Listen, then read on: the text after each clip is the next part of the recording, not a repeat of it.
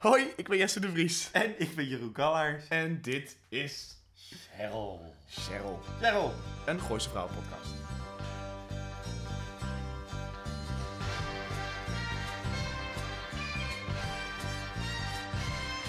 Hey life, look at me. I can see the reality. 'Cause when you shut me, took me out of my world. I walk. Een podcast waarin Jeroen en ik met een kritische blik gaan kijken naar onze favoriete Nederlandse dramaserie Gooise Vrouwen. Heerlijk. Elke week bespreken wij een aflevering van deze serie onder het genot van een kritische blik en een alcoholische versnapering. Ja. Maar, dit keer staat er iets anders op tafel. Koffie. Koffie. Ik zou zeggen, bedaar wat. Hè? Neem even lekker een slokje koffie. Hè? Pak een stukje kies erbij. Kom op. Daar gaan we. Aflevering 6 alweer. Jesse, we gaan niet zo snel. Maar het is wel leuk. Laten we ook even zeggen dat we een nieuwe microfoon hebben. Ja, godzijdank. Nou, als je dat niet hoort, dan is het ook niet een beetje. Eh, dus we, zijn, we liggen wat, wat, wat fijner in het oor. Ja, er is, min- er is minder gepiep, Er is minder gepiep misschien niet minder gezeik. en iets meer gekakel. En we gaan vandaag aflevering 6 bespreken. Aflevering 6 heet Zwarte Magie, uitgezonden op 4 december 2005 op Talpa. Scenario is geschreven door Steven R.T., zoals altijd, nou, meer een soort van de teleplay. En eh, de dialoog in deze is geschreven door Carolien Silverberg, die eerder een kat-en-muisspel heeft geschreven. De aflevering met Pierre Bokma, Ja, waar ik geen warme herinnering aan over heb gehouden. Jij wel? Nou ja, ik vond hem. Ik, vond- ik bedoel, het is de één na slechtste aflevering op de lijst nu, maar. I don't know, ik vond hem wel oké, denk ik. Nee, ik bedoel, nee, ik vond hem niet oké, maar. Ik, beg- ik, ik ben begevingsgevoelig. Als ik, als ik regisseur was en ik had die aflevering gezien, zeg maar in een soort van testfase, Ja. dat ik met een sigaret in mijn mond, ik rook niet, maar had met een sigaret in mijn mond, in een stoel gezeten, had ik de hele tijd gezegd, slecht! Slecht! We geven er nog een kans, Jeroen, We geven er nog een kans. in deze aflevering. Regie is zoals altijd door Wil Koopman en de kijkcijfers waren dit keer 1,6 miljoen. Ja, Ja, nou, steady as she goes. steady as she goes, inderdaad. Ehm, laten we van start gaan. Ik eh, wilde gewoon, gewoon, gewoon gelijk mee beginnen. Laten we gewoon meteen beginnen. Oké, in de eerste scène laat Anouk zich lekker, zoals elke vier weken blijkt, de kaarten lezen door waarzegster Elba. Gespeeld door Wimi Wilhelm, die ik echt, zij is echt zo leuk. Zij is fantastisch. Zij ziet Anouk als mannenverslinder die misschien een goede keus kan maken in de toekomst wanneer er grote verleiding op de loer ligt. Anouk vindt het allemaal maar vage kakel, maar betaalt netjes. Willemijn komt na het bezoek van Elma even gezellig een kopje thee drinken. Ze is geïntrigeerd door Elma, maar is meer geïnteresseerd of Anouk iets meer over Evert kan vertellen. Ze moet stoppen met dat gemoeder en meer denken aan zichzelf, vindt Anouk. Hiermee opent Anouk een ware heksenketel. Want heeft Anouk wel recht van spreken, terwijl zij totaal niet goed is in het ouderschap, volgens Willemijn dan. Het gesprek wordt al snel kort gehouden als zowel Anouk als Willemijn iets te zeggen heeft over de huwelijksstatus van de ander en Willemijn stormt met labradors en al het huis uit. Kom op jongens, we gaan. Hè? Kom. Bij de gynaecoloog, gespeeld door eh, een van de bekendere musicalacteurs Hugo Hane. Oh, ik dacht dat ik hem al kende. Ja, Oh, joh. Dat, is echt, dat vind ik een hele leuke man. Wordt Cheryl even flink onder handen genomen, letterlijk. Maar met Cheryl is niks mis. Haar eitjes staan klaar om bevrucht te worden. Wellicht ligt het toch aan Martin. Maar om zijn sperma nou te laten onderzoeken, dat is een klus voor Super Cheryl. Oh, en of ze even een hydroslang flyer wil signeren voor de moeder van de gynaecoloog. Wat een raar moment.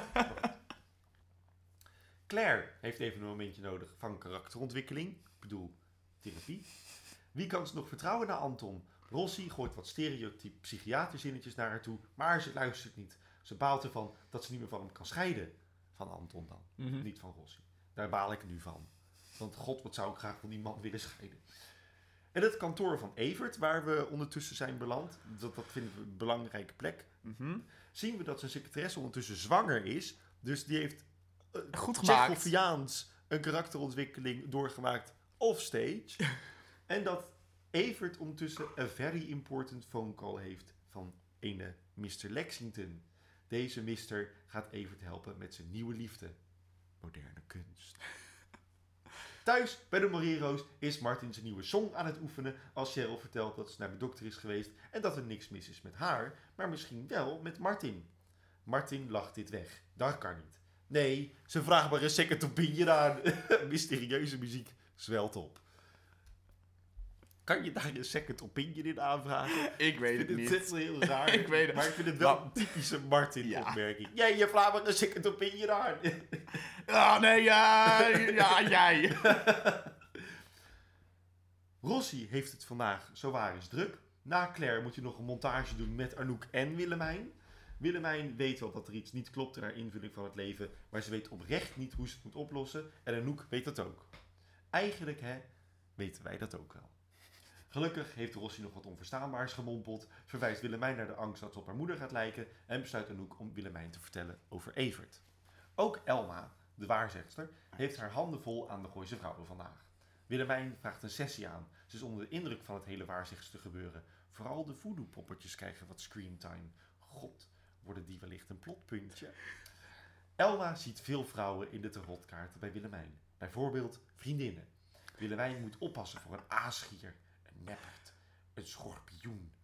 Claire, denkt Willemijn, want Claire is een schorpioen.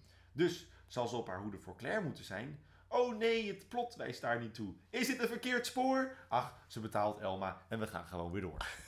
Kritisch. In alle jaren zonder fulltime moeder is Vlinder wel een geweldige scrabbelaar geworden en is ze bezig met Anouk van het bord af te slaan. Zodra Tom weer thuis komt, vraagt hij zich af wat Anouk in godsnaam aan het doen is. Nou, Tippy Wan is toevallig bezig met een inburgeringscursus, dus heeft Anouk besloten om meer tijd te besteden aan Vlinder en aan andere dingen. Andere mensen. Wauw. Oh, en ze legt uien. Dubbele woordwaarde. Nu kan ik daar veel over zeggen.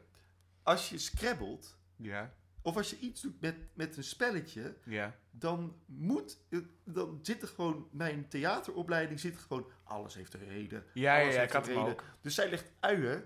Dus ik denk, zij, heeft, zij is een gelaagd personage. Oh. Er is veel aan de hand bij Anouk. Het is niet alleen maar ja en amen. Het is ook nee en het tegenovergestelde van amen. Ik weet niet wat dat is. Alaaf. Ja, nee, maar wat had jij dan? Ik dacht, ehm neptranen. Ik dacht iets met huilen of zo, dacht ik aan. Oh, krokodillentranen. Ja, maar dan zeg maar, ja, precies. Maar dan nep. Ja, maar dan van uien. Ja, ik weet niet. Ja, I don't know. Oké. Nou, ik zat met uien en Shrek. Ja, precies. Ja, maar dat is, ja, precies. Ja. Als Claire, pre-tablet tijd, contactadvertenties omcirkelt in de krant, belt Cheryl. Wat ik een heel raar moment vind. Waarom zal Cheryl Claire bellen? Maar het zijn vriendinnen, dus dat doen ze. Ja, ja. Eh, ze vraagt om wat vriendschappelijk advies. Heeft Claire misschien een idee hoe Cheryl aan Martin Zaad komt? vraagt ze dat nou echt? Nou ja, Claire doet er niet moeilijk over. Heb je wel eens van die tennisser gehoord? Vraagt ze. Die Boris Becker. Claire, ik persoonlijk had nog nooit van die tennisser gehoord. Maar dat zal aan mij liggen. Ik bedoel ondertussen eh, eh, up-to-date dankzij Jesse. Want Jesse wist wel wie Boris Becker was. Ik wist het echt niet. Ik wist het toevallig dus twee dagen ervoor. Dus echt geen grapje. Een collega vertelde het mij. Het verhaal is... ehm, nee, dat gaan we zo meteen wel doen. Nou, dat doen we zo meteen. Maar ik vind het... Je, je vraagt... Ja, precies. Ja. Tom, Anouk en Vlinder gaan leuk naar een pretpark, maar daarvoor moet Anouk echt even langs Willemijn. Nou ja, tante Willemijn. Willemijn, die zich lekker gaat verdiepen in de wereld der mystiek, schrikt door Anouk's binnenkomst en gooit haar pannenlappen over de nieuw gekochte boeken. Ze komt niet ongelegen, want ze wilde haar toch al bellen. Anouk had helemaal gelijk en Willemijn gaat het over een andere boeg gooien. Ze gaat ervoor zorgen dat Evert op een andere manier naar haar gaat kijken. Anouk denkt dat het niet veel zin heeft, omdat Evert verliefd is op haar. Als goed dramaserie personage dat Willemijn is, hoort ze maar de helft en denkt dat Anouk Evert aan het verleiden is. Nou wordt hij mooi, dus zij is die schorpioen. Ze kan opdonderen. Willemijn heeft genoeg gehoord. Anouk verlaat het podium en laat Willemijn huilend achter. In de auto heeft Martin een telefoongesprek met Bimbo 2005, die flink ongeduldig begint te worden en wordt onderbroken door een andere beller. Cheryl wil dat hij naar huis komt. Ze heeft veel liever dat Martin haar zwarte hoge leren laarzen uit komt trekken dan dat ze dat alleen moet doen. Martin schiet bijna zijn autostoel uit en race naar huis. Cheryl is ondertussen wel eventjes Martin's seksuele administratie aan het doen, maar dat hoeft hij niet te weten. Nadat ze Martin op hilarische wijze heeft klaargepijpt, rent ze met volle mond nog geen drie minuten later naar het spermapotje wat klaar staat op de trap. Ze leegt de inhoud van haar mondje in het potje, wacht Martin op in de badkamer, zoent, speelt en laat hem achter. Ja, ze moet echt nog even wat boodschapjes doen. Ze heeft geen puppyvoer meer. Dag, Martin. Anouk heeft een enige tijd met Vlinder en Tom in het pretpark. Echt enig. Nagut. Ze lijken wel een familie. Na het leuke dagje vindt Anouk wel een onaangename verrassing in haar huis. Het is Evert. Hoewel ze bang is dat het weer een zielige poging tot aandacht is, blijkt Evert haar te willen koppelen aan Norbert Lexington. Je weet wel, Norbert Lexington, van die bekende expositieruimte in Londen. Tom vindt dat niet zo leuk en dat is alles. Thuis, in de slaapkamer, confronteert Willemijn Evert met het hele Anouk-verhaal. Evert durft niet te ontkennen dat er wat is tussen Anouk en hem, maar er is nog niks gebeurd.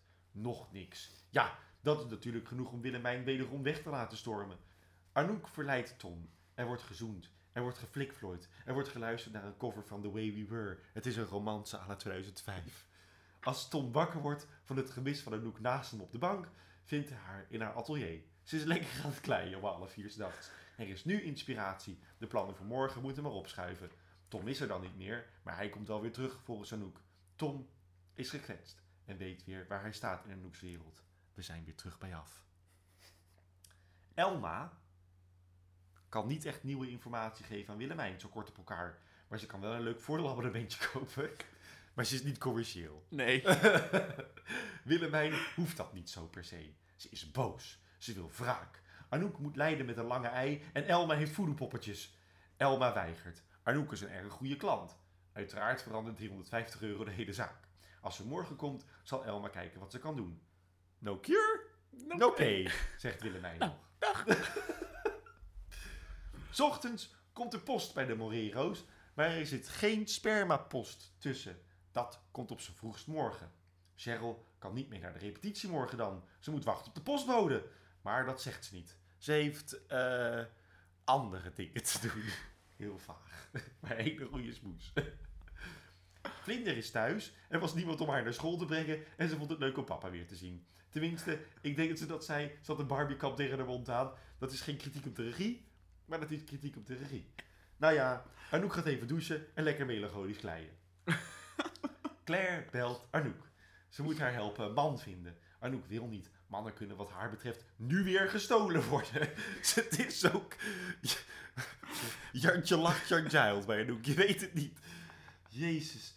Tussen het gesprek door komt Tippy Wan met twee enorme rare pakketten binnen. Je moet die scène eventjes terugkijken, want ik weet niet met wat... Het zijn van die schilderijen van het Rijksmuseum. Ze ging met de inburgerscursus naar het Rijksmuseum. Nee, stedelijk. Stedelijk Museum. Excuse you. En eh toen heeft ze van die, van die schilderijen. Die krijg je van die kokers mee. Oh, Dat zijn, dat zijn van die... Ik dacht dat het vuurwerk was. Ik zat er helemaal niks van. Jij racist. Niet elke Chinees heeft vuurwerk. Nee, ze is Thais, hè? Tippy Wan komt binnen met die twee enorme rare pakketten, die dus eh, schilderijen zijn, en wordt weer weggebonjourd. Anouk weet dan ineens precies wat zij en Claire die avond moeten doen. De Occasion Night. Het is Occasion Night. Ik snap hem ook nu pas, zeg maar. Occasion is een tweedehandse auto. Ja. Ja, ik had hem eerst niet door. Ik denk Occasion als in een gelegenheid. Ik dacht, oh, dat is wel schattig. Het is Occasion Night. Een zaterdagavond voor alle Gooise tweedehandsjes. Eenzame vrouwen die een rijke man de haak willen slaan, komen hier te samen. De vleesmarkt, zo zou ik het ook al willen noemen. Claire vindt dat er grenzen zijn, maar gaat wel mee. In de kroeg is er meteen contact met een oude bekende van Claire, Robert Bovenland, en komt Anouk Siebold tegen. Wie die naam heeft bedacht, ah, ook een oude vriend. Claire loopt weg om haar neus te poederen, wilt eigenlijk de hele boel ontvluchten, maar kruist dan blikken met een ober. Een ober? Ja, een ober. Een Spaanse tango zet in, terwijl Claire in haar hoofd de leverworst en oude kaas van zijn dienblad afschuift en zijn boek openscheurt. En, nou ja, laat ik er maar op houden dat ze er veel naaiwerk aan over gaat houden.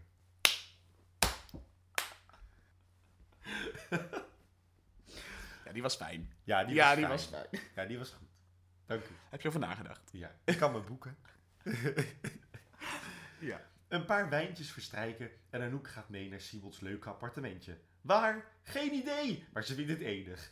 Claire is met de ober aan het zoenen op de diensttrap, die met de meest rampzaligste zinnen haar zo nat krijgt dat het een wonder is dat ze niet van de trap glijdt. De ochtend erna moet Siebold weg. Snel, het is al laat. Hij laat Anouk lekker in bed liggen. Martin gaat naar de repetitie. Cheryl zal er na de repetitie op tijd bij zijn. Ze wist hem good luck en hij rijdt weg. Er is nog geen spermapost, dus ze zal nog eventjes moeten wachten. Arnoek wil het appartement van Siebold uit, maar oh nee, Siebold heeft de deur op slot gedraaid en nergens in het nieuwe appartement in Lelystad kan Arnoek de sleutel vinden. Van het balkon springen is geen optie, het flatgebouw is namelijk omringd met water. Best wel een goede, mooie locatie is dat. Mm. Hou je vast, want nou, nou, nou, nou, gaan we, nou springen we de achtbaan in. Elma zet het voodoo-proces in ondertussen en Anouk kan Cheryl bereiken voor hulp. Maar Cheryl weet niet waar Anouk is en vraagt of ze er een adres ergens kan vinden in het huis. Terwijl ze zoekt, komt erachter dat Siebold nog niet gescheiden is. Martins optreden begint bijna, maar ja, Cheryl heeft het even te druk. Het voederproces van Elma wordt heftiger. De muziek wordt vreemder. Er komt iemand het appartement van Siebold binnen. Het is zijn vrouw. Arnoek, vlucht! Waarheen? Shit! Het balkon dan maar. Ze klimt over de reling en houdt zich stevig vast. Op het moment dat Siebold's vriendin Anouk's telefoon vindt, prikt Elma met een naald in de voederpop, verliest Anouk haar evenwicht, maar gelukkig weet Siebold's vrouw haar op tijd te redden. Willemijn schreeuwt het uit en zet het voedoe stop. En laat los. Kom maar even rustig op adem. Ha. Cheryl doet dat ook. Die hangt, na geen gehoor van Anouk, de telefoon op. Martin begint zijn optreden, maar Cheryl is er niet bij. Martin zingt dat hij alle mooie dromen voor Cheryl zal waarmaken, maar de waarheid liegt er niet om. Cheryl leest in de vers aangekomen per- spermapost dat Martin extreem traag zaad heeft. Ze slikt. Of nou ja, ze vindt het moeilijk. Nieuw woordgrapje. Anouk komt het ziekenhuis uitlopen met een mitella. En wie komt haar ophalen? Willemijn. Ah, Willemijn. Oh, Meest, niet. nee. Oh, daar heeft Jesse zo meteen wat over te zeggen. Claire en de ober zijn nog aan het zoenen en zijn nog lang niet van plan om te stoppen. Er hangen emoties in de lucht van het gooi. Credit. Ja, Ja. dank u wel. Dat was een bloemlezing. het was een bloem. Ja, nou ja, het is zeker een stuk. het, is, het is een behoorlijk stuk. Ja. Nou, ehm, laten we beginnen bij de eerste scène. Ja, Eh, de- die laat zich de kaarten lezen door de waarzegster. Ik, moet, ik vind het heel fijn, de dialoog die daar plaatsvindt tussen die Elma en Anouk. Namelijk, het is goede dialoog. Er zit heel veel intentie in. Namelijk, zeg maar, wordt heel veel gegeven. Namelijk, er is magie in de wereld. Er is een, een charlatan, charlatan, hoe heet zo'n vrouw? Zo'n En charlatan. charlatan die geld wil. Charatel. Anouk die het heel serieus neemt. Er is expositie en er is karakterbeelding. Want we gaan die Elma leren kennen en we snappen gelijk wie ze is en we vinden haar fantastisch. En er is expositie op een super creatieve manier. Namelijk door eh, eh, iemand die iets doet met, met de rotkaarten, die je dus eigenlijk als normaal denkend mens niet gelooft. Maar ze zegt wel dingen die kloppen met wie Anouk. Anouk, is. Ja, dus we gaan erin mee dat zij in ieder geval... Dat het logisch is dat, dat ze er is. Dat het Ja. niet een loos dingetje Ja, is. precies. En eh, wat in de hele aflevering speelt, en dat, dat pleit echt voor deze aflevering, is dat het constant eh, goed doorstroomt. De hele aflevering, eh, zeg maar, het is, het, is, het, is, het is gewoon op orde en het loopt lekker en subtiel en soepel in elkaar over. Het zit ook in de overgang van deze scène. Zeg maar, Anouk is bij eh, eh, die Elma thuis, geloof ik. Of Nee, andersom, nee, eh, Elma, is bij Anouk thuis. En terwijl Elma naar buiten komt, komt Willemijn er alweer aan. Ja. Dus je gaat eigenlijk via een soort van... En dus Willemijn ontmoet Elma. Die kan dan erover reageren. De scène loopt over van een scène tussen Elma en Anouk naar Anouk en Willemijn. ja. En er is niks niet organisch aan die Het scène. gebeurt best wel vaak in deze aflevering eigenlijk, dat het gewoon in één keer doorgaat. Ja, dat het, gewoon, dat het gewoon subtiel in elkaar overvloeit. Ja. In plaats van wat best wel veel is. Scène op scène op scène. Die best wel rauw op je dak vallen. Dat je denkt, Hè, oh nu zijn we hier. Oké, Ja, dat is goed. Oké, we gaan verder. Dat vind ik heel fijn en dat, eh, dat, ja, daar word ik blij van. En de dialogen zijn in deze scènes gewoon echt nagenoeg perfect. Er zijn, ja, nou, over, over perfecte dialoog geschreven. We- Ik wil even een experimentje doen. Oké. Ehm, de scène die volgde was de scène met Willemijn en Anouk die ruzie gaan maken over het moederschap Ja. en dat soort dingen. Ja. Die heb ik uitgeschreven, Ja. eh, omdat ik denk dat daar heel veel in zit wat eh, ehm, getuigt van puur vakmanschap van Caroline Silverberg als eh, dialoogschrijfster. Ja. Eh, en ik, we zijn natuurlijk best wel kritisch op het dialoog. Ja. En het leek me heel erg leuk om nu eventjes de tijd te nemen om een goed dialoog te bespreken Mm. en te kijken waarom het goede dialoog is. Ja. Oké, Vind je dat leuk? Ja, ik vind, het, ik vind het enig. Ik ben heel benieuwd wat Oké. je erover te zeggen hebt ook. Nou, wil jij Willemijn zijn of wil je Anouk zijn? Nee, ik ben wel Willemijn. Jij bent wel echt een Willemijn. Ja, ik ben, jij bent ook meer een Anouk. Ja, ik heb mis... Nee, nee hoe? Hi, mam. Oh. ik heb geen seks voor het huwelijk. Ehm, even een dingetje. Ik ga niet spelen. Ik ga het gewoon voorlezen. Ja, ik ben geen actrice. Nee, dat zijn we allebei niet. Nou, jij bent wel een acteur, schat. Oh. Ja. Je hebt al drie Oscars gehad in je Oh. bed. Nou, nee. Jij, dat ben jij meer. Daarom ben je Anouk. Oh ja, oké, sorry. De rolverdeling voor deze scène. Regie, Jesse de Vries. Ja. Willemijn Lodewijks wordt gespeeld door. Jeroen Kallers. En Anouk. Door Visser. Jesse. Visser? Nee, dat is... Nee, wat is nou? Kut. zit Suzanne Visser. En Anouk. Verschuur Anouk Verschuur. wordt gespeeld door Jesse de Vries. Oké. Anouk Visser. En Suzanne Verschuur. We zijn in de, keuken van Anouk. Mhm. Anouk zet thee en Willemijn gaat met de honden zitten. Ik dacht echt dat ze er heel anders uit zou zien. Een soort eh, Jomanda of zoiets. Oh, laat Alma, Elma dat nog niet horen. Is ze echt zo goed als iedereen zegt? Maar ze zegt af en toe wel zinnige dingen, maar het blijft toch een beetje vaag allemaal. En jij, ben jij al iets wijzer geworden over Evert? Volgens mij moet je er zelf op afgaan. Het is jouw man. Weet je wat jij moet doen? Je moet weer vrouw worden. Ophouden met het hele dag dat gemoeder en gezorg. Laat die kinderen zelf een pizza in de oven schuiven. Een pizza, hè nee. Ja, gaan ze heus niet dood van hoor. Je moet gewoon wat meer aandacht aan jezelf besteden en aan die vent van je. Ga je vanzelf lekker er in je vel zitten. Ik ga mijn kinderen toch niet aan hun lot overlaten? Waarom niet? Nu we het er toch over hebben, Anouk. Er moet me wel wat van het hart. Dat ik de manier waarop jij je kind opvoedt verre van ideaal vind. Omdat ik werk. Eh, er is een blik tussen Willemijn en Anouk nu die best wel bepalend is. Mhm. Namelijk Willemijn zegt niks, maar kijkt met... "Hmm, nou... eh, Anouk gaat verder. Eh, omdat ik iets voor mezelf heb. Omdat ik niet de godganse dag broodjes loop te smeren... en van de hockeyclub naar de muziekschool race. Wat is daar mis mee? Ik hou van mijn kinderen, Anouk. Ik zadel ze in ieder geval niet, ik zal, ik zadel ze in ieder geval niet op met een of ander onnozelwicht uit Thailand. Nou, dan moet je ook niet bij mij komen zeiken dat je huwelijk naar de knoppen gaat. Oh, alsof jij het zo goed gedaan hebt. Hoe lang zijn jullie ook alweer getrouwd geweest? Twee jaar? Drie jaar? Ja, maar Tom is nog steeds gek op me. En dat kun je van Evert niet zeggen. Ik, eh, de, Willemijn die pakt de jas en, en neemt de honden mee. En zegt, kom maar jongens. Hè? Daar gaan we. Kom maar. Dream on, Anouk. Ja. Dag. Willemijn slaat de deur achter zich dicht. Anouk snakt naar adem en begint wat te huilen. Ja. Dat is een scène eh, van nog geen twee, van net twee minuten. Ja. Ehm, waar zoveel ehm, subtekst in zit. Dus, dus tekst die, niet over te- die niet zegt wat er gezegd moet worden. En ehm, wat mij opviel in deze scène was dat er constant een verschuiving van macht is tussen personages. En dat er constant een verschuiving is van wie de macht tussen die wie de macht heeft. Dus, de een, dus, dus de- dat, dat is de manier waarop ik ernaar gekeken ben. Ja. Ehm, dus laten we hem nog een keer doen en dan breek ik gewoon in op waar ik denk dat het handig is. En je bent natuurlijk meer dan welkom om mee te Ja. brabbelen. Ik dacht echt dat ze er heel anders uit zou zien. Een soort eh, Jomanda of zoiets. Oh, laat Elma dat nou niet horen. Ehm, wat hier gebeurt is dat Elma het onderwerp van het gesprek wordt. eh, ter inleiding van de scène. Want Willemijn heeft hiervoor dus haar gezien bij de, bu- buiten. Ehm, en dit is dus een plotelementje die wordt gebruikt om twee personages te laten praten. eh, op een natuurlijke manier. Mensen praten niet zomaar, die hebben altijd een gespreksonderwerp nodig. Ja. En de schrijver wil niet direct beginnen met het probleem van deze scène. Ja. Dus die heeft een eh, hulpmiddeltje nomen- nodig en dat is Elma. Ja, het is een fantastische eh, natuurlijke brug. Ja, het is een fantastische natuurlijke brug, want hij Ook- gaat over zoveel meer. En ook omdat het gaat om ehm, eh, een, een waarzegster of eh, nou ja, zo'n tarotkaartenlegster die vertelt wat over wie jij bent. En Willemijn wil heel graag van Anouk weten of Anouk weet wie Evert is.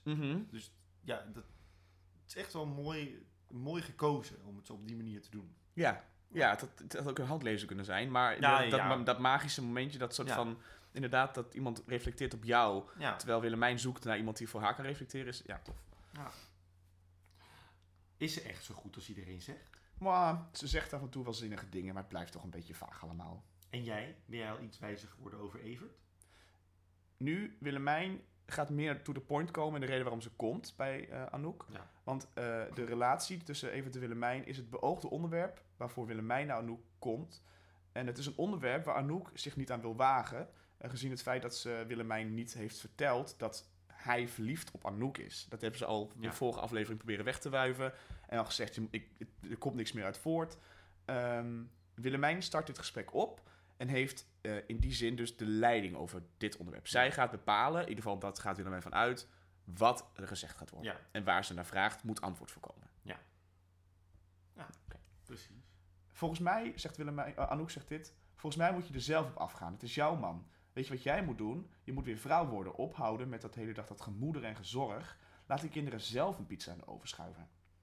Dus wat Anouk hier doet, is zelfbescherming. Namelijk, ze verschuift het onderwerp van Evert direct naar het onderwerp Willemijn. En vooral hoe, Willemijn, hoe zij Willemijn ziet. Ja, En probeert zichzelf uit hetgeen te praten wat ze niet durft te zeggen. ja. En ze probeert het ook op een manier op te lossen.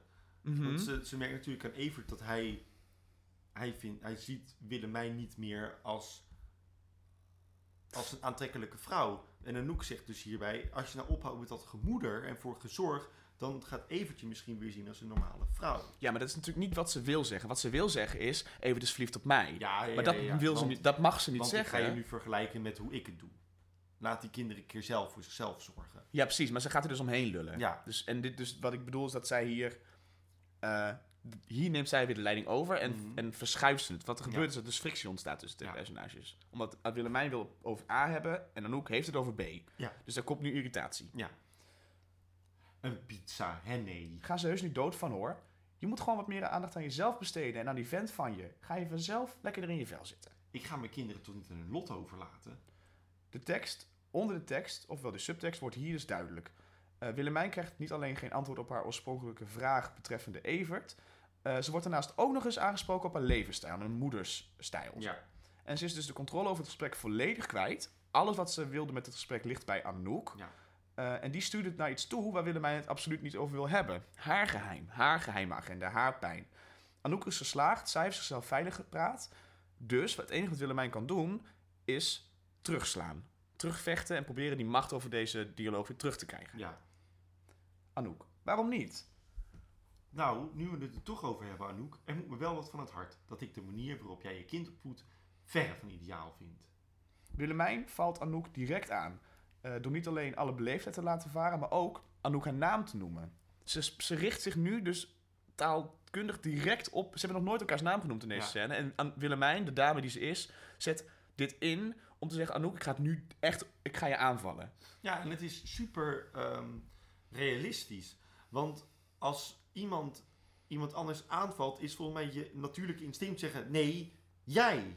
Mhm. Nee, ja, jij, ja. dat is, de- maar dat is wel wat heel veel mensen doen. Mhm, klopt. Eerst, als de, hun wordt gewezen, is meteen, ja, maar jij bent het ook. Ja, precies. En dat is herkenbaarheid. Ja, die maar ook in zit. Maar ook gewoon, ja, je bent aangevallen, dus je moet jezelf beschermen. die, die, de beleefdheid die er hiervoor nog was, een beetje het niet praten over praten, gaat Willemijn nu een beetje kapot maken. Ja, Ehm, eh, en Anouk zegt nu: Omdat ik werk, ja, Nou, Willemijn kijkt hier gewoon Ja. heel raar. En die blik, wat dat puur spel eh, briljantie is, heeft ook een subtekst. Namelijk, door niet te reageren vullen wij als kijker in dat het niet alleen gaat om het werk, maar om veel meer volgens Anouk. Of volgens Willemijn. ja. Toch? Want zij, Ja, ja. zij kijkt gewoon op een manier van, nou, het is niet alleen, het is niet omdat je werkt. En hetgeen wat Anouk dus zojuist nog bekritiseerde bij Willemijn, doet Willemijn nu direct terug. Ja. Dus de rollen zijn weer 180 graden omgedraaid. Ja, bijna elke zin van deze dialoog zorgt ervoor dat iemand anders bovenaan staat. Ja, precies. Anouk gaat door, omdat ik iets voor mezelf heb, omdat ik niet de godganse dag broodjes loop te smeren van de hockeyclub naar de muziekschoolrace. Wat is daar mis mee? Ik hou van mijn kinderen, Anouk. Ik sta dus in ieder geval niet op met een of ander onnozelwicht uit Thailand. Beide dames gebruiken hier eh, alles wat ze in hun arsenaal hebben om elkaar naar beneden te helpen. Weet je wel, Ja. als ik niet kan winnen, mag jij ook niet winnen. Ja, Beide dames spreken elkaar diepste angsten uit om elkaar zo ver mogelijk en zo eh, van elkaar te verwijderen en de macht in de scène eh, en dan maar kapot te slaan. Als jij het niet mag, mag ik het ook niet. We hebben allebei nu, al- we gaan nu gewoon helemaal voorbij alle, nou ja, gêne. zeg ja, Nou, dan moet je ook niet bij mij komen zeiken dat huwelijk naar de knoppen gaat. Anouk, de super slim van, eh, van Caroline Silverberg, schrijfster, grijpt nu terug naar het begin van de scène, naar het beoogde onderwerp van de scène. Dus het wordt een, wordt een cirkel gemaakt. Ehm, de relatie van Evert Willemijn, daar, daar gaat ze nu weer op terug. En ze is zich bewust, eh, dus, van de geheime agenda die Willemijn heeft gehad aan het begin van deze scène. Mhm. En gebruikt dit, dus eigenlijk hetgeen waar Willemijn eh, zich het zekers over voelt om dit, om dit gesprek te starten, gebruikt ze nu als genadeslag om haar compleet kapot te maken. Ja, precies. Iets wat ze op het begin eigenlijk helemaal niet wilde gaan zeggen. Omdat het waarschijnlijk Willemijn te veel pijn deed. Maar omdat Willemijn nu zoveel kritiek heeft op hoe zij in elkaar steekt. Dat is gewoon haar laatste, Haar laatste rapmiddel. haar laatste wapen. Het is een beetje de KO-slag. En dat is interessant. Ehm, nee, dat is interessant, want Willemijn gaat nu weer iets zeggen. Oh, Sorry hoor. oh, alsof jij het zo goed gedaan hebt. Hoe lang zijn jullie ook alweer getrouwd geweest? Twee jaar? Drie jaar? Ze probeert die dus nu nogmaals terug te slaan door Anouk eh, pijn te gaan doen. Maar dit is voor Anouk iets wat niet meer werkt. Ja, iets wat ook niet belangrijk wat ook Anouk niet, is. het boeit niet. Het is een soort van, eh, nou ja, een loze klap. Ja. Die- En Willemijn redt het niet. Dus Anouk kan hier hard op reageren en zegt dus... Ja, maar Tom is nog steeds gek op me. Dat kun je van Evert niet zeggen. Ja, Dit is de genadeslag. Ja. Anouk wint hier. ja. Er is niks wat Willemijn meer kan doen. Ze heeft alles geprobeerd te zeggen. En die neemt gewoon de jas en de honden en die gaat En die weg. gaat weg. En die, die eindigt ook nog met Dream On, Anouk. Ja, een soort van... Nee, nee jij bent een kutwijf. Ja, zeg maar, jij bent stom. Ja, Zo'n zinnetje. Want het is, ja, maar het is dus, dat is leegte. Ja. Er zit niks meer in. Nee. Anouk kan niet meer... Of Willemijn kan dit niet meer winnen. Ja. En het mooie is dat Anouk ook niet wint. Want zodra die weg is, begint Anouk te huilen. ja, want dit is niet... Dit is voor, denk ik, voor allebei de vrouwen niet het beoogde resultaat van hoe dit gesprek had moeten lopen. Nee, precies. Ga ik te ver? Nee, nee, nee, nee, is oké. Dus dat is... Ik vond dit zo'n goede scène. En het Ja. is, dit, dit is dus de, de, er is dus een karakterontwikkeling. Er is een conflict. Er is expositie. En er is, nou ja, gewoon prachtig mooi drama in twee minuten. Ja, het is mega snel. En er is niks... eh, er is niks nutteloos in deze Weet je dat we het vorige week hadden over loze zinnen? ja, ja. Dat is hier dus absoluut niet aan de hand. Hè? Nee, maar je hebt wel. ehm, ik heb wel hierin. Dit, dit is totaal. eh, de hele dialoog is alleen maar nuttig. Er worden alleen maar nuttige dingen gezegd. mhm. Maar wel op zo'n manier dat ik denk: oh, dit is geen plotgedreven scène. Terwijl het een plotgedreven scène Ja, is. ja, het is super natuurlijk. Net als wat er een paar afleveringen geleden gebeurde. Dat ik deed het zei. Dat, die aflevering van Jetske Vulsma. Waarin ik deed het zei van: oh, dit is zo natuurlijk. Dit gaat steeds zo. Dit gaat zo lekker, omdat het personage gedreven is en niet plot gedreven. Mhm. En dat merk je aan deze scène ook. Oh, De Gooise Vrouwen is het best wanneer de personages het werk doen. Ja. Maar dit is natuurlijk... eh, eh, Ja, maar dat is wel als de schrijver. Dus daarom wil ik dat graag zeggen. Caroline Silverberg heeft hier heel hard aan gezeten. Ja, Dit is, dit is, dit is fucking goede dialoog. ja, Die helemaal klopt. ja. Die, dit, is, dit is super goed geschreven. Hier kun je echt veel over zeggen. En dan helpt het ook nog dat, de, eh, dat ze in regie heel dicht bij elkaar zitten. Thee drinken, dus dat er een, een bepaalde vorm van eh, comfortabelheid Mhm. is. En, en, en geborgenheid en gewenning. En eh, dus de, De huiselijkheid. veiligheid. Dus, eh, We durven hier alles tegen elkaar te zeggen, We maar doen we doen het niet. Precies. En dan is het ook mooi, want later, om even verder te gaan, komen ze natuurlijk, hè, dan gaat Anouk met de kids en gaan ze allemaal naar het, naar het pretpark. Dan komen ze weer bij elkaar. En dan verliezen ze alle pretentie. Ja. Dan is het volledig eerlijk. Ja. Want ze hebben in deze, de- dit stadium van we proberen het nog, hebben ze al gehad. Ja. Eh, maar dat komt zo meteen wel. Maar dat, dat, ik, ja, ik ben echt zo blij met hoe dit geschreven is. Want ik denk, en hierom vind ik Gooise Vrouwen dus heel tof. Ja, en hier begint de aflevering mee. Dus je, be- je begint gewoon, Het is ijzersterk. je begint echt ijzersterk. Dat is super knap. En daardoor ga ik wel wat fijner in de aflevering zitten. Ik heb vertrouwen in, zeg Ja, maar. precies. Ik denk Deze gelijk, aflevering komt wel goed. Of er zit in ieder geval iets interessants. klopt. Nou, daarna gaan we naar Cheryl. Ja, het, het is, dat vind ik ook wel heel handig. Ze gebruiken eventjes een betrouwbare bron, namelijk een arts, om ons te vertellen dat Cheryl niet het probleem is. Ja. Er kan geen twijfel meer over zijn. Ja. Dat is dat. En wat daar ook weer heel slim in is, ook weer over macht en status, wat in de vorige scène ook was. De arts is de baas over Cheryl, totdat Cheryl Cheryl Morero is, aan het einde. En dan is hij een fan en is Ja. Cheryl de baas. Dus, dat, dus ik zo, er is ook weer een kanteling. En die is dan niet zo hard en, en pijnlijk. Maar ik, oh, het is de hele tijd zo, ah macht, ah macht, ah Ja. macht. Het gaat over status. Ja. Het gaat over, Ja. wat, wat goed drama is, absoluut. toch? Ja, zeker. Nou, gewoon, ja, goed, goed, goed, goed. Ja, en over deze scène, ja, ik heb daar gewoon niet zo heel over te zeggen. Het is een recht toe, recht aan scène bij de gynaecoloog. We, we worden bevestigd in, in een verhaal waarvan je denkt- ja, wa- waaraan wie ligt het nou Mhm. precies? En nu is er gewoon, er is geen twijfel over mogelijk. Punt. En voel je al vooruit, dit gaat Martin niet leuk vinden. Nee, dit gaat hij verschrikkelijk vinden. Ja, Ehm, er zitten heel veel, eh, Laten we dit er even uitpakken. Ja. Want er komt nu een Dr. Rossi scène in. Er zitten drie Dr. Rossi scènes in deze aflevering. Eén alleen met Claire en één eh, een montagescène met Anouk en Willemijn zoals we hem al een keer eerder hebben gezien. Ja. Eigenlijk exact dezelfde scène. Namelijk, we vullen elkaar aan in de woorden. Ja. We maken hetzelfde Ja, gesprek. we hebben dit al een keer eerder gedaan. Ja. Ehm, eh, we zijn nu acht afleveringen verder. We zijn acht afleveringen verder met Dr. Rossi. Wat heb jij hierover te zeggen? Over deze, de- deze Rossi-scène. Nee, over de drie Rossi Over de drie Nee, Over de Rossi-scènes. twee Rossi scènes die we hebben in deze Ehm, aflevering. Even kijken. Nou, eh, wat, ik erover, wat ik erover kwijt kan, is dat... ehm, even kijken, want die van Claire heb ik wel zo op de bril. Ik moet eventjes die andere eh, erbij pakken. Ja, wat zeg je nou? Ik heb de scène op mijn bril. Oh, hier, ja. Nou, ik- oké. er zijn twee dingen die ik wil zeggen. Eh, misschien is het niet overkoepelend zoals jij het wil... Nou, ja, nee, oké. Nou, maar probeer het gewoon eventjes en dan zien we wel hoe dat gaat. Het allerinteressantste aan Dr. Rossi, waar ik achter ben gekomen, is... is dat er ook een Dr. Rossi in het verleden is geschreven... voor een dramaserie genaamd Peyton's Place. Peyton's Place is een van de eerste Amerikaanse dramaseries op ABC. Ja? Is gemaakt in 1946. Ja? Die ehm, als soap in de avond op televisie kwam. Dat was vroeger Ja. niet, zo was allemaal overdag. En dat kwam als een avondprogramma. En dat, heeft, dat is interessant en daarom vind ik het zo leuk. Ehm Peters Place heeft mede gezorgd voor de grote ontwikkeling van dramaseries in het algemeen. Dus Gooise Vrouwen is deels te danken aan de dramaserie Peters Place. Dus ik denk dat de naam Dr. Rossi een referentie is, een hommage is aan die serie. Want in die serie zit een Dr. Rossi. die is... Die Oh, in ieder geval Rossi. een Dr. Rossi zit daarin. Oké. En dat is, dat, dat is voor mij toevallig. Omdat Ja. ik denk, jullie maken een dramaserie, een Nederlandse dramaserie, willen het niveau verhogen. Dus jullie maken in die zin een hommage aan een, een van de oer soap dramaseries die toen, dat, toen hebben bestaan. Dat vond, ik gewoon, dat vond ik gewoon heel leuk. Nou, leuk feitje. Leuk feitje. Eh, maar los van dat, de scènes aan zich, die van Claire, had ook bij Cheryl gekund. Het is natuurlijk een perfecte Dr. Rossi scène in de zin van, Dr. Rossi zegt niks. En- Nee, dat vind ik dus zo raar. Dr. Rossi zegt voor Dr. Rossi's doen heel veel in deze, in deze scène. Eh, Maar hij, hij spreekt in, in totale stereotype psychiaterzinnetjes. Hoe voel je je erbij? Mhm. Wat vind je ervan? Eh, en hij geeft een soort van eh, commentaar. Mhm.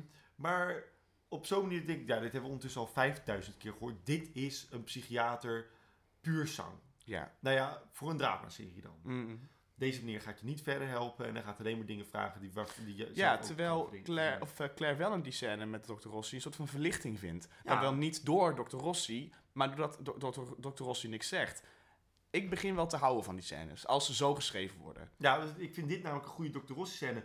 Mede dankzij de stereotype psychiaterzinnetjes. Want toen dacht ik, aha, ze, ze pretenderen ook niet dat Dr. Rossi een goede... Nou, we pretenderen natuurlijk al langer niet dat Dr. Rossi een goede psychiater Maar hier is. zien we dat hij... Maar hier zien we dat het geen goede psychiater is en dat het ze niet interesseert. Want ze, ze hebben Dr. Rossi niet nodig. Ze hebben even een momentje nodig dat er eigenlijk niemand naar ze luistert. Precies. En dat ze gewoon in het luchtledige kunnen kletsen, zodat ze er zelf achter kunnen komen. Of gewoon, er moet iets, aan, er moet iets van het hart. En nu is het, ja, wie, aan wie wil Claire in godsnaam vertellen dat Anton een crypto-homo was? Want dat zegt ze deze Ja, ja, ja. En wie kan ze nog vertrouwen naar Anton? Ze ziet in iedereen een potentiële geldschieter of een crypto-homo. Mooi hoor, want eh, dat was een momentje dat ik dacht... eh, ah, we zijn, we zijn terug bij de status quo. Namelijk, de geldzorgen zijn een soort van voorbij. Nu, Ja. opzicht die check van Linda, dus, van eh, Cheryl. Cheryl. Dus ze is enigszins oké. Dus nu kunnen we terug naar het begin van het probleem, namelijk het verraad. In plaats van wat er uit het verraad voortkwam, namelijk geldproblemen. En woede. Ehm, als ze hierachter was gekomen dat als Anton nog had geleefd, was ze nu van hem gescheiden. Ja, dat had, en- en, ja. En daarom zegt ze ook nog, het, dat, ik baal ervan dat ik niet meer van hem kan scheiden.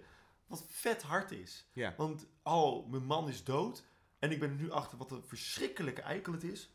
En ik kan niet eens meer van hem scheiden. Wat kut. Heel schrijnend, ja. Ik vind, het een, ik vind dat namelijk een mooie Dr. Rossi scène.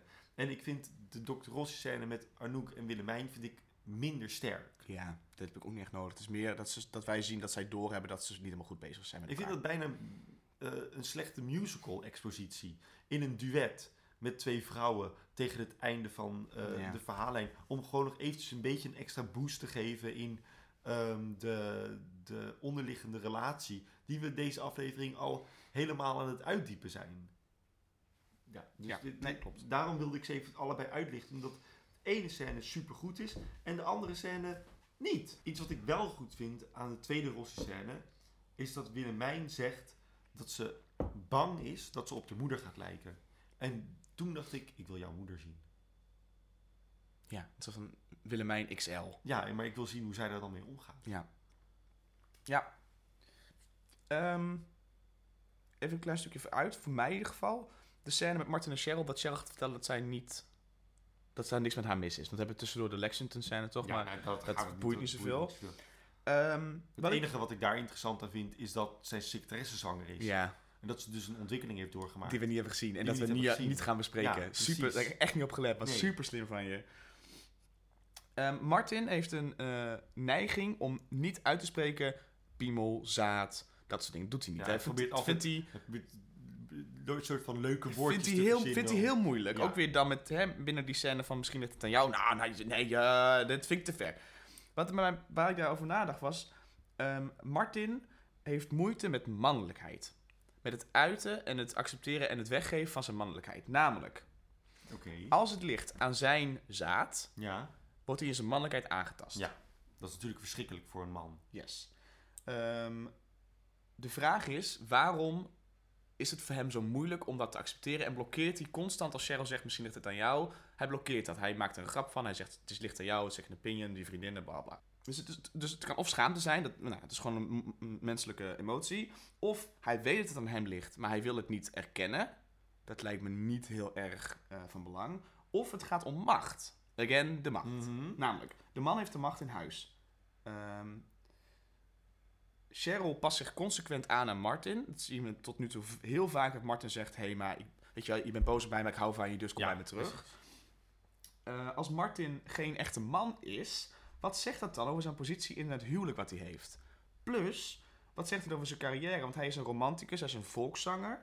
eh, een icoon voor de Hollandse mannelijkheid, weet je. Mhm. Net als een voetballer dat is. Zijn liedjes gaan over pijn, liefde en het leven vanuit het eh, perspectief van een gekwelde man. Ja. Eigenlijk. Vanuit een soort van ja, tragisch figuur.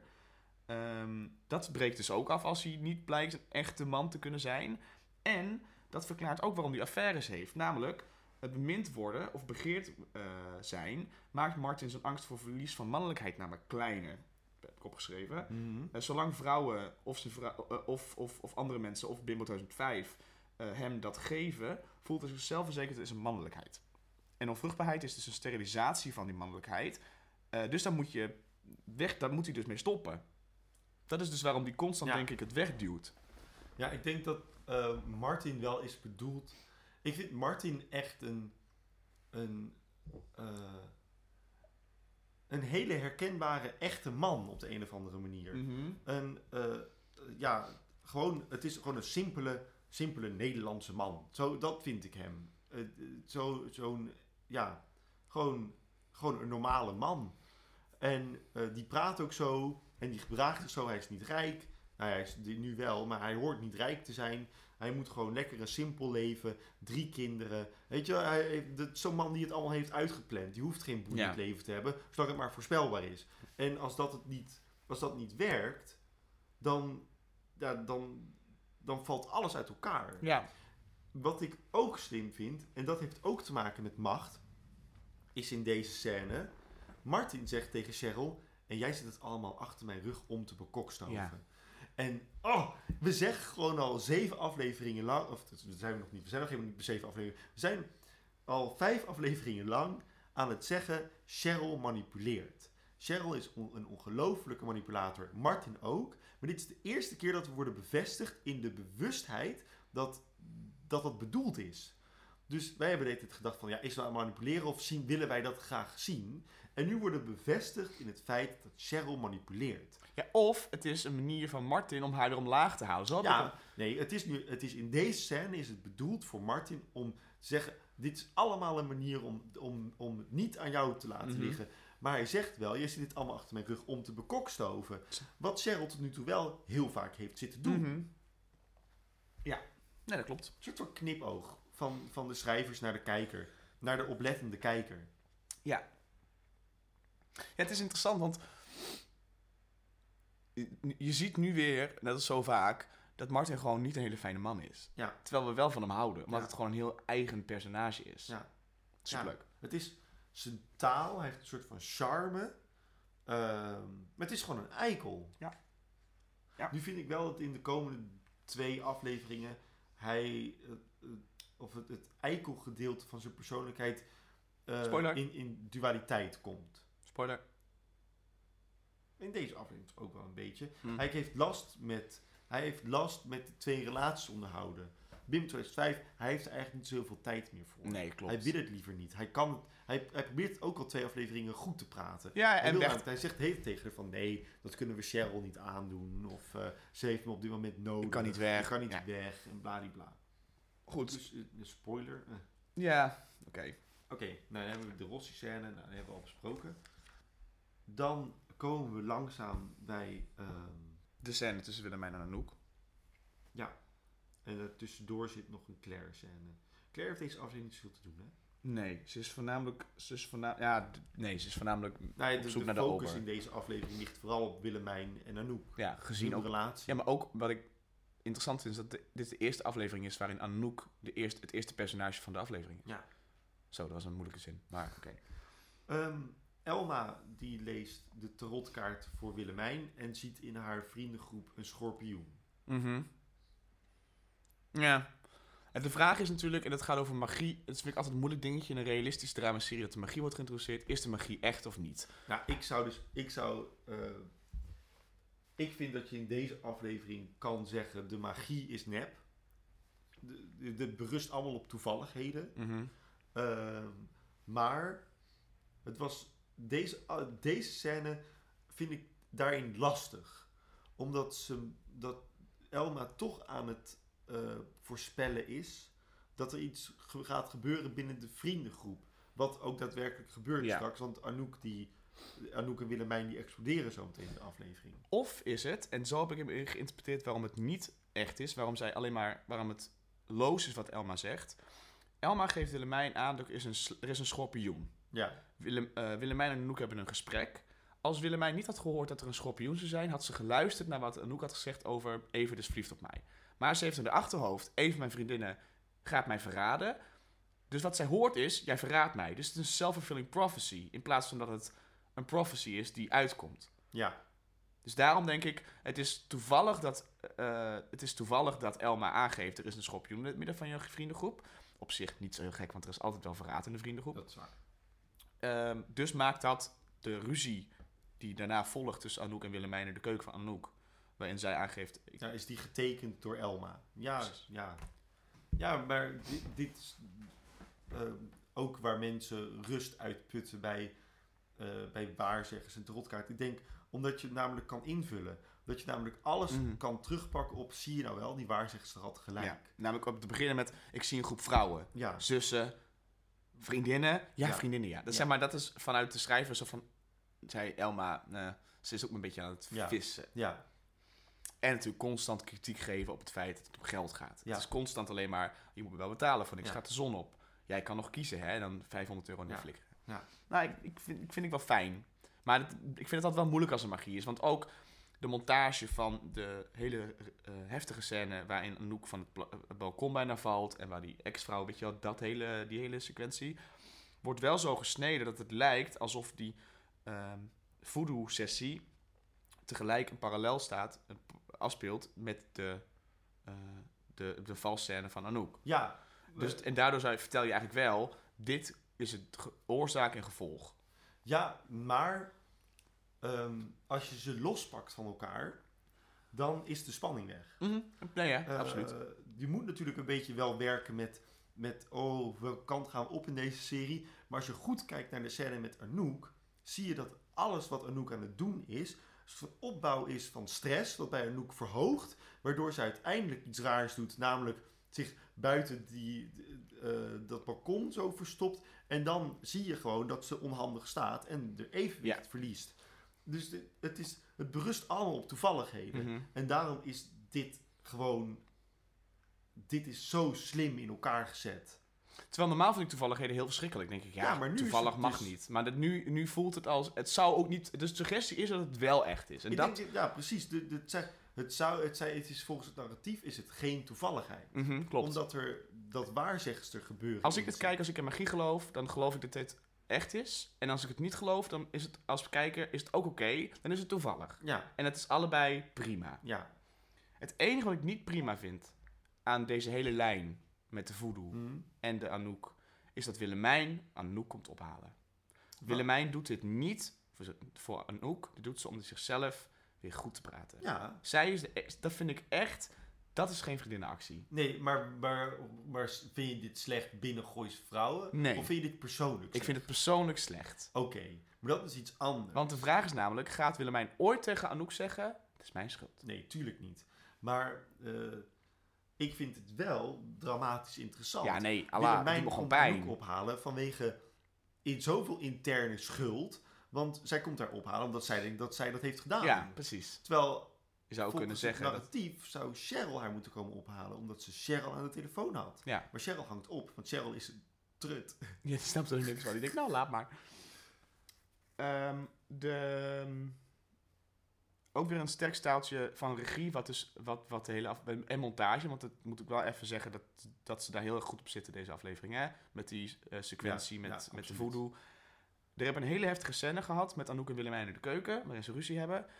Wordt afgewisseld met de meest hilarische scène aller tijden. De pijpscène. Ja, We maken je helemaal kapot emotioneel, want er is een ruzie tussen twee vriendinnen en het gaat hard. En we gaan nu, om het contrast aan te geven, wat typisch volgens mij eh, een kenmerk is voor een komische dramaserie. en ik denk ook voor, specifiek voor Goois Vrouwen. Drama tegenover hilarische comedy. Nou, en dat is dus, dat, dit is, nu denk, nu, nu denk ik, oh, dit wil ik elke aflevering. En de drijfveer, want we volgen Cheryl en Martin in deze, in deze serie. Dat zijn onze hoofdpersonages. Wat is een aflevering zonder een lijntje tussen Cheryl en Martin? Laat dat dan een hilarische zijn Ja. in deze. Ja, Oh my goodness. die De, maar het begint al met dat telefoongesprek. Die eerste, Martin heeft een telefoongesprek met Bimbo 2005. Zij begint ongeduldig te worden, want zij wil meer aandacht van Martin. En anders zoekt ze denk ik wel ergens anders. Mhm. Ze heeft trouwens een verschrikkelijk bed. Ja, ah ja. Kijk eventjes naar, oh goed. Ehm, Martin wordt onderbroken door een andere beller. Hij neemt op. Hij ziet dat het Cheryl is, dus die gaat voor. Vind ik, eh, goed, hij gaat vreemd, maar ik vind het een galante ja. keuze Hij is die hij netjes. maakt.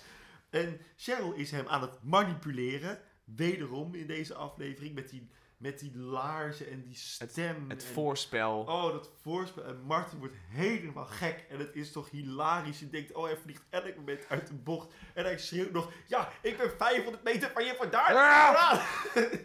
Hou het binnen! Hou het- het! Hou het in. Doe het niet uit. Oh, het is echt geweldig. En dan een heel erg een hardcut maken naar het pijpen direct. Dus Ja. niet eerst, maar gewoon, hij komt aan en dan... Oh, oh. Als je dit luistert en je kijkt eh Gooise Vrouwen niet met ons mee, dan geef ik je de tip. Ga eventjes naar YouTube eh, en typ in Cheryl laklaarzen. Dan krijg je dus deze scène te zien. Drie minuutjes is het. En dan zie je die hardcut van Martin in de auto naar Martin op een stoel. Cheryl ervoor. Persoonlijk denk ik niet dat het Linda de Mol is. Want ik weet het, het heeft iets neps. Ja, het heeft iets...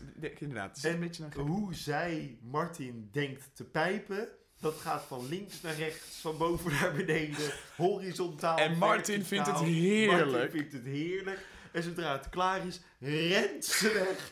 En ik zou zelf denken, wat de fuck ga je doen? En Martin is een soort van... "Ah, ah." Oh, dit is echt... dit- is- Ik vind dit zo goed. En zij gaat naar boven, dumpt zijn sperma in een potje wat klaar staat op de badkamer. Ze had een heel Boris Becker. eh, ja, de Boris idee. Becker is dus dat blijkbaar is Boris Becker ooit gepijpt door een, in Rusland of zo, door een vrouw. Eh, Boris Becker is blijkbaar een hele populaire tennisser. Die vrouw heeft toen dat sperma bewaard en heeft zichzelf laten bezwangeren. En heeft dus toen geld geëist van Boris Becker. Ja, Dat is, dat is, de, dat is het verhaal. vet grappig. Ook echt, ik vind, het, ik vind het leuk dat ze dit noemen, want je moet dus, dit is jouw referentiekader Ja. voor deze aflevering. Ken je het verhaal van Boris Becker niet? Ja. Maar, het hoeft, maar je hoeft, Hoeft het niet te kennen. weten. Je mag het ook... niet precies. weten. En dan vind ik het nog het allerleukst. Nee, het allerleukste is het pijpen. Maar het allergrappigst vind ik dat ze bovenop staat te wachten. Martin zegt, oh, ronde 2. Wat had je ook weer aan? Wat had je, wat had je ook weer aan? Er miste iets volgens mij. Dat had namelijk een, een bodysuit aan zonder kruis of zoiets. En dan zegt ze, ze moet echt even wat boodschappen doen. Ze heeft geen puppyvoer meer. Wat een parallel is met de aflevering ervoor. Waarin zij denkt dat ze nog een keer seks krijgt van Martin. Maar Martin echt naar de studio moet. Op dezelfde plek. Hmm. Ik denk zelfs op dezelfde plek in, Mm, in de mooi. aflevering. Exact dezelfde, eh, exact dezelfde scène. Maar de rollen zijn, Zijn. Again. Uh, weer met die machtsverhouding. En wat ik hilarisch vind aan deze scène... is dat Martin tot het einde toe ze niet realiseert dat Cheryl weggaat. Ja, Dat hij de hele tijd deed, oh, het is een spelletje. Zo, met een soort van bijna Gilles de la Tourette zo.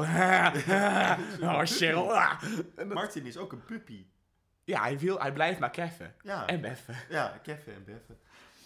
Eh, dat vind ik, ja. Wil, ik, ik wil het niet hebben over de Lexington-lijn. Nee, dat, dat wil ik ook niet. Dat is gewoon, niet, zo dom. is gewoon niet interessant. En ik vind het oprecht... Nee. Dus Maar wat doet het ook in deze aflevering? Het is, ja, het is omdat Anouk en Tom toch niet bij elkaar moeten komen of zo. Terwijl ik, wat ik één wat ik wil zeggen is... Anouk heeft groot gelijk. Absoluut. Hoe durf je, Tom, om te zeggen... Ja, nee, maar je mag misschien wel je geld verdienen met kunst... maar je mag geen kunst maken als ik er ben. Tom echt een eikel. Tom is echt...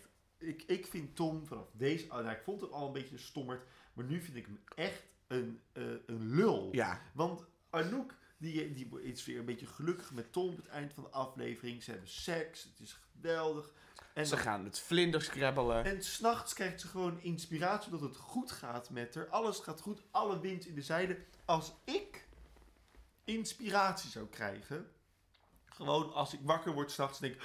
Goed Dit moet ik idee, doen. Dit moet ik doen. En ik ga het doen. En mijn vriend komt naar me toe en die zegt... Wat doe je als je dit zo door blijft gaan? Dan ga ik bij je weg. Dan zeg ik, nou daar is het gat van de deur. Hoi. Ja, mijn Ja, carrière gaat wel echt een beetje voor. Nou ja, nee, Hij is piloot. Hij- moet erbij zijn. Hij is toch ook... Ja, hij is er nooit. Ja, wat heeft hij te zeuren? Ja, ik vind het... Ugh. Anouk en Vlinder. Ja. Nu toch in die lijn. Vlinder zegt met de, met de, met de Barbiecam in de mond... Het werkt niet tussen jullie, hè? Ja. Even ik een verstond dat gewoon echt de eerste drie keer, maar echt niet. Ik heb ook nog even geluisterd naar wat Dr. Rossi zegt. Ik heb het, kom zo. Ehm Vlinder zegt dus, het werkt tussen jullie, hè? Willemijn, of Anouk neemt een slok jus, reageert niet. Nou, krijg even douchen, hè? Ja, Dat is niet hoe een moeder, als een kind zegt, als een kind van, weet ik wat Vlinder is, zegt, mama, jij en papa gaan niet werken, dan ga je zitten, dan ga je het over hebben. ja. Dan mocht je nog de slechtste moeder van de wereld zijn, dit breekt je hart. Nee, maar Anouk is oprecht de slechtste moeder in de wereld. Daarom geloofde ik de vorige aflevering niet, waarin zij zei... Ja, het belangrijkste in mijn leven is natuurlijk vlinder. Hoe durf je? Ja, dat is niet waar namelijk. Slechte kutmoeder ben jij namelijk gewoon. Maar oprecht, Anouk is geen goede moeder. En ik weet niet of, het, of dat intentioneel is, of dat dat gewoon oprecht bewust gedaan is geschreven. Dat weet ik gewoon niet. Ik hoop dat ze seizoen 2, dat is natuurlijk, ik weet het oprecht niet, dat ze daar meer moeite in stoppen. Om even te laten zien dat zij ook een, niet alleen maar een seksobject en dat soort dingen is, maar ook echt een moeder. Want het pleit wel voor, de, maakt er een ronde geheel. Nu is het een soort van... Laten we het even hebben over eh, eh, Claire in deze aflevering. Oké. Ehm, Claire heeft een heel kort lijntje. Eh, uiteindelijk gaat het naar dat. Op het begin van de aflevering zegt ze: Ik weet niet meer welke man ik moet vertrouwen. Er zijn twee soorten mannen nu in mijn leven: of het zijn crypto-homo's, of het zijn geldschieters. Mhm. Geld is nog steeds een thema in, in de leven, maar ze wil ondertussen ook mannen, aandacht van een man. Ja. Eh, Anouk de, besluit om met Cheryl, om, om met Claire naar de occasion night te gaan. Ehm, en Claire wordt verliefd op een ober. Die scène is zo goed belicht. Dat is maar de slow-mo scène waarin zij Ja. Max ziet. Het, begint, het zit bijna het begin van een clip. Het is prachtig. Het, het is zo, het is heel goed gedaan. En zij kijkt ook een beetje ongemakkelijk wulps. En, en hij kijkt Met zijn- met ongemakkelijk zijn kaas en met zijn mosterd. kaas en zijn mosterd. Ah, het is toch zo schattig allemaal. En daarna vind ik die scène dat ze, dat ze op de trap staan. Dat zij allemaal dingen aan hem vraagt waarvan ze hoopt dat het antwoord de verkeerde kant is. Hoeveel verdien je? 7 euro, bruto. En heb je een auto? Nee. Oh, en dan ziet ze die fiets staan. En dan, en dan Zit er een slag in het wiel? maar waar ik een probleem mee heb, is dit. Ja. We zijn in het gooi. En op de een of andere manier denken wij geografisch dat Almere en het gooi aan elkaar gelinkt zijn. Nu zitten ze ook niet zo ver van elkaar, maar er zit water tussen. Deze man kan niet van Almere naar Blaricum of Laren fietsen. Dat kan niet, want er zit water tussen. Hmm. Mag hij misschien de trein heeft die fiets Ja, de maar goed, maar- dat wordt niet gezegd. Maar dat wordt niet gezegd. Er wordt gezegd dat hij bij zijn moeder thuis woont en dat hij een fiets heeft. Het kan niet, dat irriteerde mij een beetje. Snap ik. Ehm, ik vind het wel grappig dat Bastian Ragas dit speelt, want Bastian Ragas is twee jaar ouder dan, dan Tjitske Reininga. En Reininga speelt in deze serie volgens mij 40. En hij moet En 20 in de is eerste zijn. aflevering is zij 32. Dus het is, ik vind dat heel, ik vind, dat vind ik ook zo grappig. Het boeit ook echt geen flikker. Nee. doet. Dit is een momentje van een Holland-Nederlandse eh, topacteur eh, eh, inzetten. Waar het niet is, tada, we hebben een Nederlandse acteur. Nee, hij speelt gewoon Max. Ja. Weet je wel, waarbij Pierre Bokma en bij Boven Everdoorns, die dacht, ah, is, ja, en nu is het Bastian Ragas, die komt net van Drie Musketiers af. Ja, net Karagas Ja. geracht. En nu, Ja, eh, precies. en hij is natuurlijk de, de broer van Roef. eh, van Roef Ragas, die de man was van Anouk, eh, van, van Suzanne Visser. Ja. Ehm, dan is er nog iets waar ik het misschien over wil hebben. Nou, laat het even op die manier doen, dan zijn we er namelijk sneller doorheen, denk ik. Jij weet wat eh, Rossi zei? ja, er is een eh, Rossi, de sequentie tussen Anouk, Willemijn en Rossi. Eh, Anouk zegt iets en Rossi mompelt wat. Nou moet je het echt oprecht even terug gaan luisteren, want het is niet te verstaan. Nee, het is Ik heb het. Oprecht, Jeroen. Ik denk wel tien keer opnieuw afgespeeld met het box tegen mijn oren aan. Wat ik eruit kan, uit kan halen is... Was al meer is ook omdat ik wil. Dat is geen zin.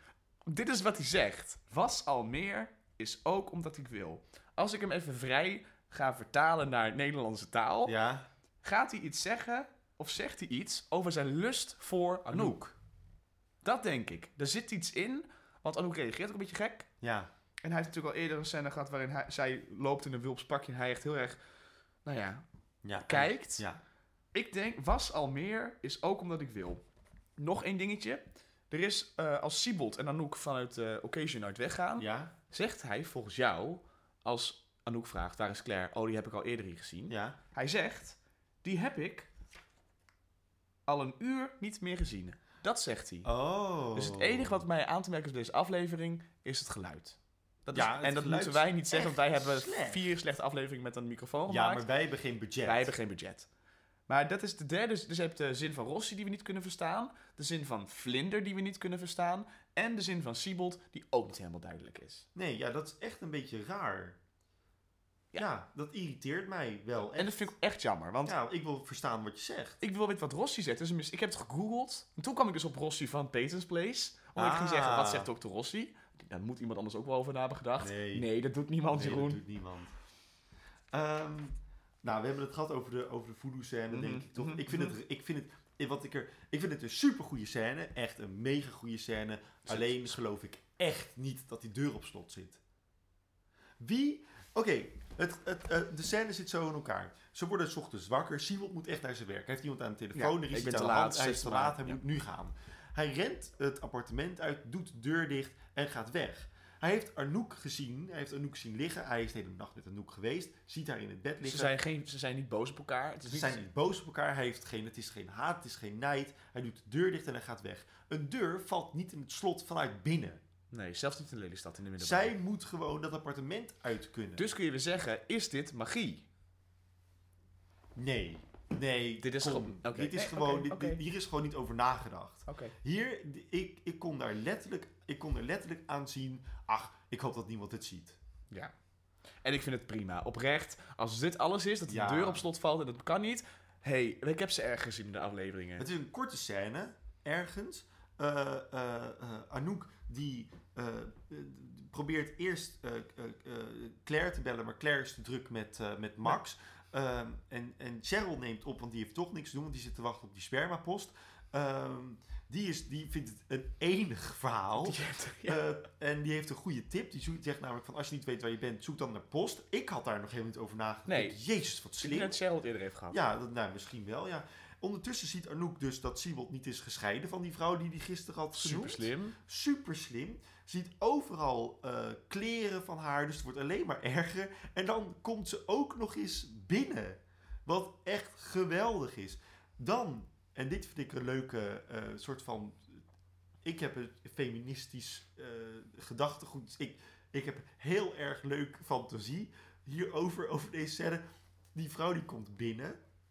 die ziet niks. Die ziet ineens de telefoon liggen op haar terrastafel buiten. Mm. Gaat naar buiten, ziet Anouk, helpt Anouk overeind. Ik denk dat ze een goed gesprek hebben gehad. Ik denk dat zij weggaat bij het Siebold, omdat zij nu ziet wat, Ze wat heeft haar naar het ziekenhuis gebracht. wat voor eikel is. Ze heeft Anouk naar het ziekenhuis gebracht. Heeft misschien nog gezegd van... joh, veel sterkte meid. Ik ga de scheidingspapieren ondertekenen. En die heeft Willemijn opgebeld. Willemijn komt haar ophalen. Ik vind het een enig verhaaltje. Ja, Alles wat je niet meekrijgt, maar je vult het zo in. Het zou toch helemaal fijn zijn als ze met Claire als advocaat, dat ze een Gooise vrouw worden. Ik vond haar echt heel leuk op de foto's. Ze zag er heel het vrolijk uit. Ja, ja, nu niet meer. Eh, dus de, de, nou, dat is gewoon een hele enorm goede, leuke scène. Eh, de voodoo scène. Dan komt er een scène waar ik een beetje een probleem mee heb. Het optreden. Het optreden van Martin. Ja, maar ik denk Ja. dat we... Leg je probleem uit. Ja, mag dat Ja, nog? nee, sorry, ja. Ik- Of wil je stoppen? Nee, ik ben nog een beetje boos dat jij er boos over bent. Maar boos. Over deze scène. Je vindt het niet leuk. Nee, maar ik zal je even uitleggen waarom. Ja, maar dat... Ja. Ehm, Martin, die gaat 's ochtends weg om 10 uur, want die tijd is afgesproken. Dat hebben we ook al gezegd in de, in de aflevering. Martin gaat repeteren, Cheryl kan er niet bij zijn, maar kan ze er wel bij zijn op zijn optreden uiteindelijk. Dat zegt ze van wel. De post komt wel steeds later, hè? dus het, het moment wordt wel steeds meer uitgerukt dat, dat, het, dat het moment dat zij de repetitie haalt, dat is niet zo heel groot. Maar we zien helemaal niet dat Martin gaat repeteren. We zien eigenlijk alleen dat Martin meteen doorgaat naar zijn finale optreden. Ehm, trouwens, met andere camera's opgenomen. De korrel is groter. Het is echt een beetje lelijk opgenomen. Je ziet dat het andere camera's zijn geweest, omdat het gewoon de camera's zijn van die studio die er stonden. Niet de camera's van Gooise Vrouwen. Dat vind ik heel irritant. Want je ziet direct het verschil. Mhm. Als ze doorgaan naar Cheryl of als ze, of als Mhm. ze snijden naar Martin. Je ziet gewoon dat daar een verschil in zit. Vind ik irritant. Ehm, maar hij is dus aan het zingen al. Met een publiek erbij en alles.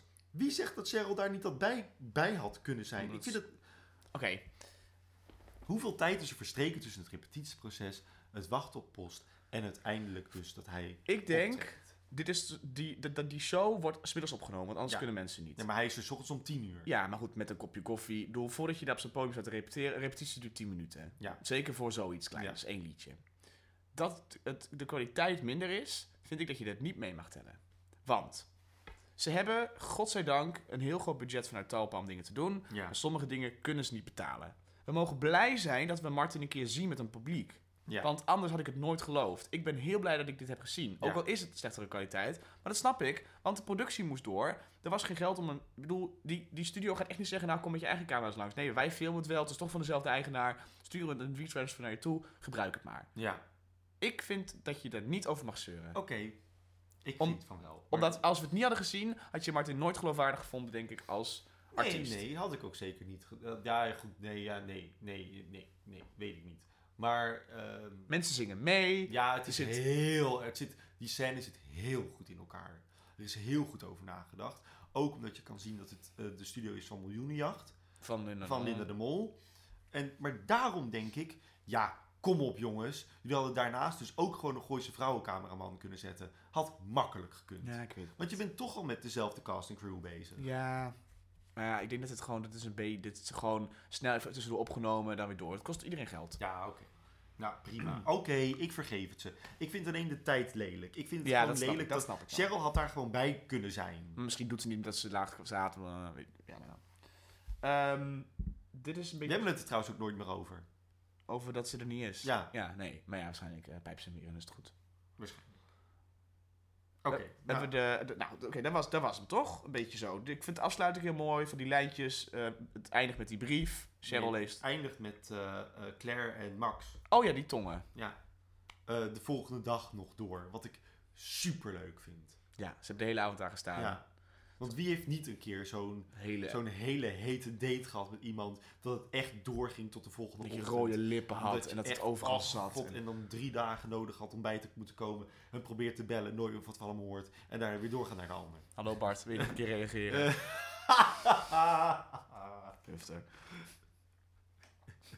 Dat houden we erin. Dat houden we. Het is, het is een god van me geraden.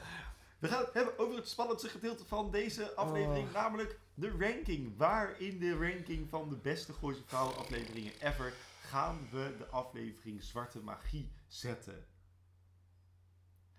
Laat ik je eerst even vragen. Zal ik de ranking even opnoemen? is misschien wel leuk, hè? Dat mensen weer weten waar we zitten. Nou, De eerste, de top 3. ja. De top 3 is... Op 3 staat De Un zijn dood. Waar gaat hij ook weer over? Sinatra. Eh Engelbert. De Uns en dood, dat is dat eh, Anton dood is en dat ze het kluisje vindt. En de aflevering daarna is eh, Engelbert. Oh, oké. De Un zijn dood is de aflevering, dat, eh, de, de aflevering 2. met Boven. Doorns. Boven Doorns. Oh ja, god, jezus, staat die zo hoog? In de Gooise ranking staat op dit moment eh, op 1 Seks, leugens en clichés. Dat is aflevering 3. Dat is degene, de aflevering waarin Engelbert doodgaat. Eh, dat is een goede aflevering. Op 2 staat Het Feest. Dat is de openingsaflevering, de pilot. Zit goed in elkaar. Op 3 staat De Un zijn dood. De aflevering met Boven Erwin Doorns. Daar gaat de kwaliteit van Gooise Vrouwen al een tikkeltje naar beneden. Wordt het echt een beetje rommelig. Ja. Eh, wat hetzelfde kun je zien in een kat-en-muisspel. En het dak is eraf bij vragen. De aflevering 4. Of aflevering 5. Mijn hemel, wat een zooitje. Deze aflevering is een warm bad. Ik, oké. Ehm, ik gooi er maar gelijk in. Deze aflevering staat maximaal op één. Absoluut. Maximaal. Het Dit is vakmanschap. Becoming Part 1 en 2 van Buffy, the Vampire Slayer.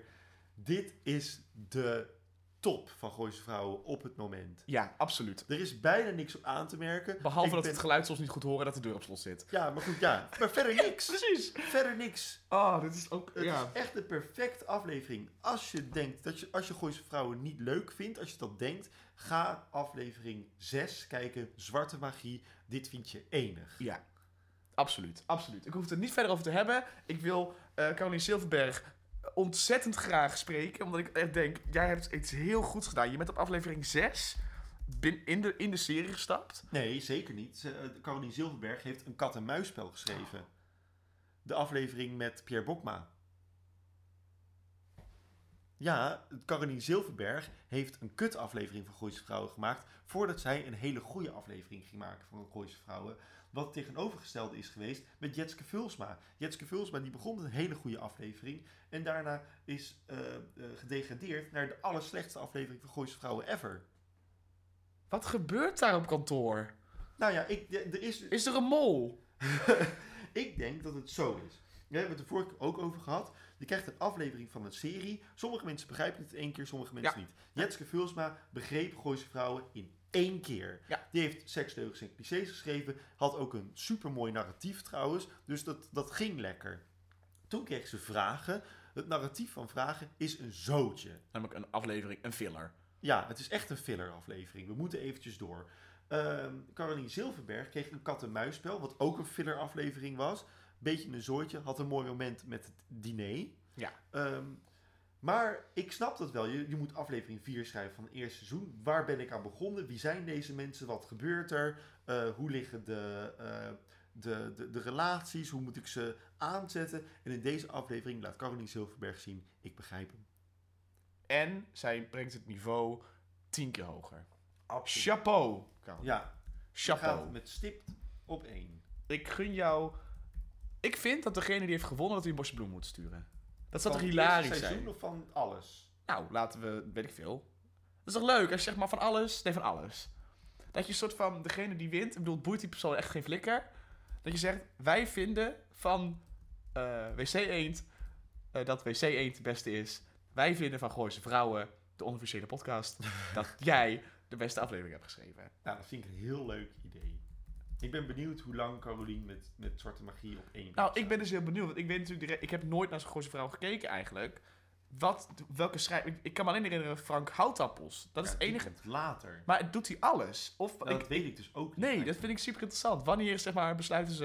We gaan, ik, nou goed, oké. Jeroen, Yes. dit was aflevering 6. Ja, Er was veel over te zeggen. er was veel over te zeggen. Vooral goede dingen. De tip van de dag. Ik ben zo benieuwd. Als je voodoo doet, doe het goed. Ja? Of vind iemand die weet hoe het moet. en wat doen we ermee? Huppatee, weg ermee. Hey life, look at me. I can see the